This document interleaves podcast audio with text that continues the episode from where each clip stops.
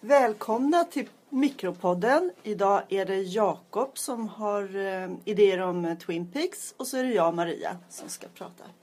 Just det, tack så mycket Maria. Twin Peaks sa du och det stämmer. Jag har eh, sett Twin Peaks. Eller rättare sagt, jag är mitt uppe i att titta på Twin Peaks. Upptäckte att det finns på HBO Nordic i sin helhet. Jag tror ju inte att HBO har producerat den serien från början va? Nej, det tror inte jag heller. Jag tror att det är en sån här independent-bolag. Liksom. Ja, men den ligger där i alla fall. Så att det är ju tips till alla som vill se det. Jag har inte sett den här serien tidigare utan ser den nu egentligen för första gången. Du har sett den Ja, jag, så, jag såg den när den gick. På TV, på tablå-TV. Vad tycker du? Vad jag tyckte då? Ja. Tyckte den var fantastisk. Vad, Jättebra. vad handlar den om? Gud.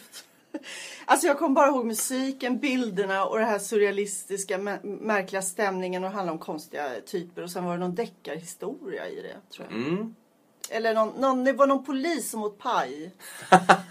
som, Ja, det stämmer. Det är sant. det måste ha varit en deckare. Eller det var ett mord är det ju. Ett mord är det ju. Precis. Laura Palmer, så var det ja. Just det. Eh, exakt.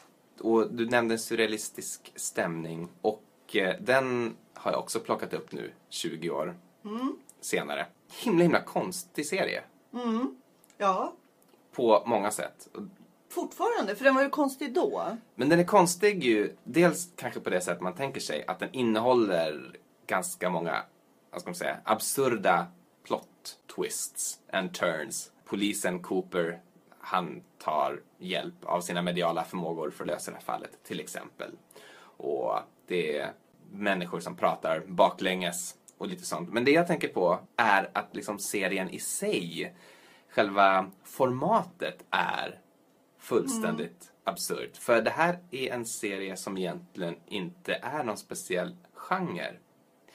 Du var lite inne på det. Just det, vad det var ja. Om det var en deckare eller en ja, konstserie. Ja, men det, ja, det har du rätt i. Jag skulle inte veta vad det är för genre. För den har ju allting. Det är ju en deckare. Det är ett mordfall som ska lösas. Det är också en skräckserie. Det är mycket övernaturliga. Det är spöken och det är blixtar och dunder. Och vind som vinar i träkronor. Och... Det är också en massa slapstick. Alltså super, super enkel slapstick-humor. Folk som går in i krattor och ska tejpa upp en affisch men tejpa sig själv i ansiktet. Och sådana jätte, jätteknasiga liksom slapstick-humor. Det är också helt vanlig såpopera.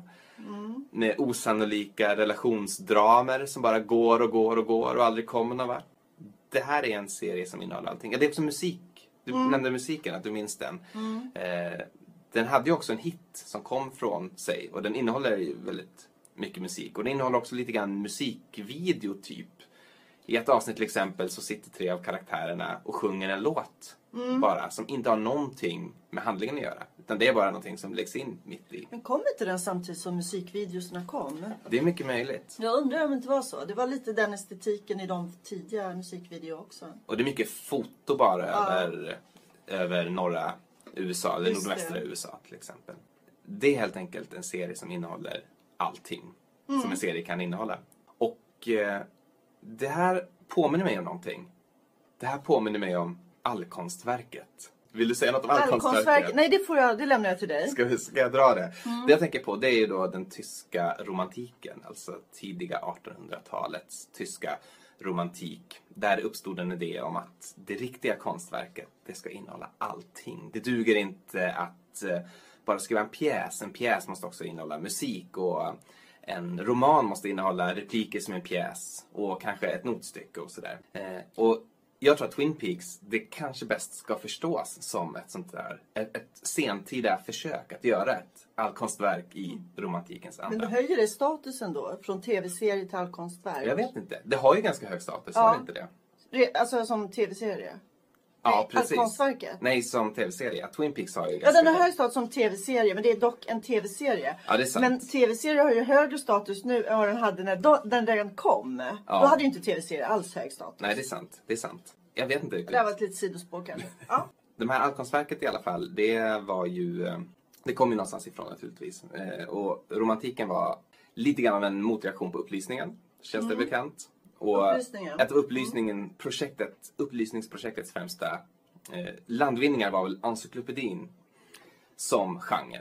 Man skulle samla all världens kunskap. Och den här tanken att man ska samla all världens kunskap i en och samma volym, det är egentligen något som ligger bakom allkonstverket också. Det är samma det som ligger bakom allkonstverket. Så många tyska romantiker, de, de nämnde Diderots encyklopedi till exempel som en av sina stora inspirationskällor. Även om de vände sig mot upplysningen så tog de ju självklart också inspiration därifrån.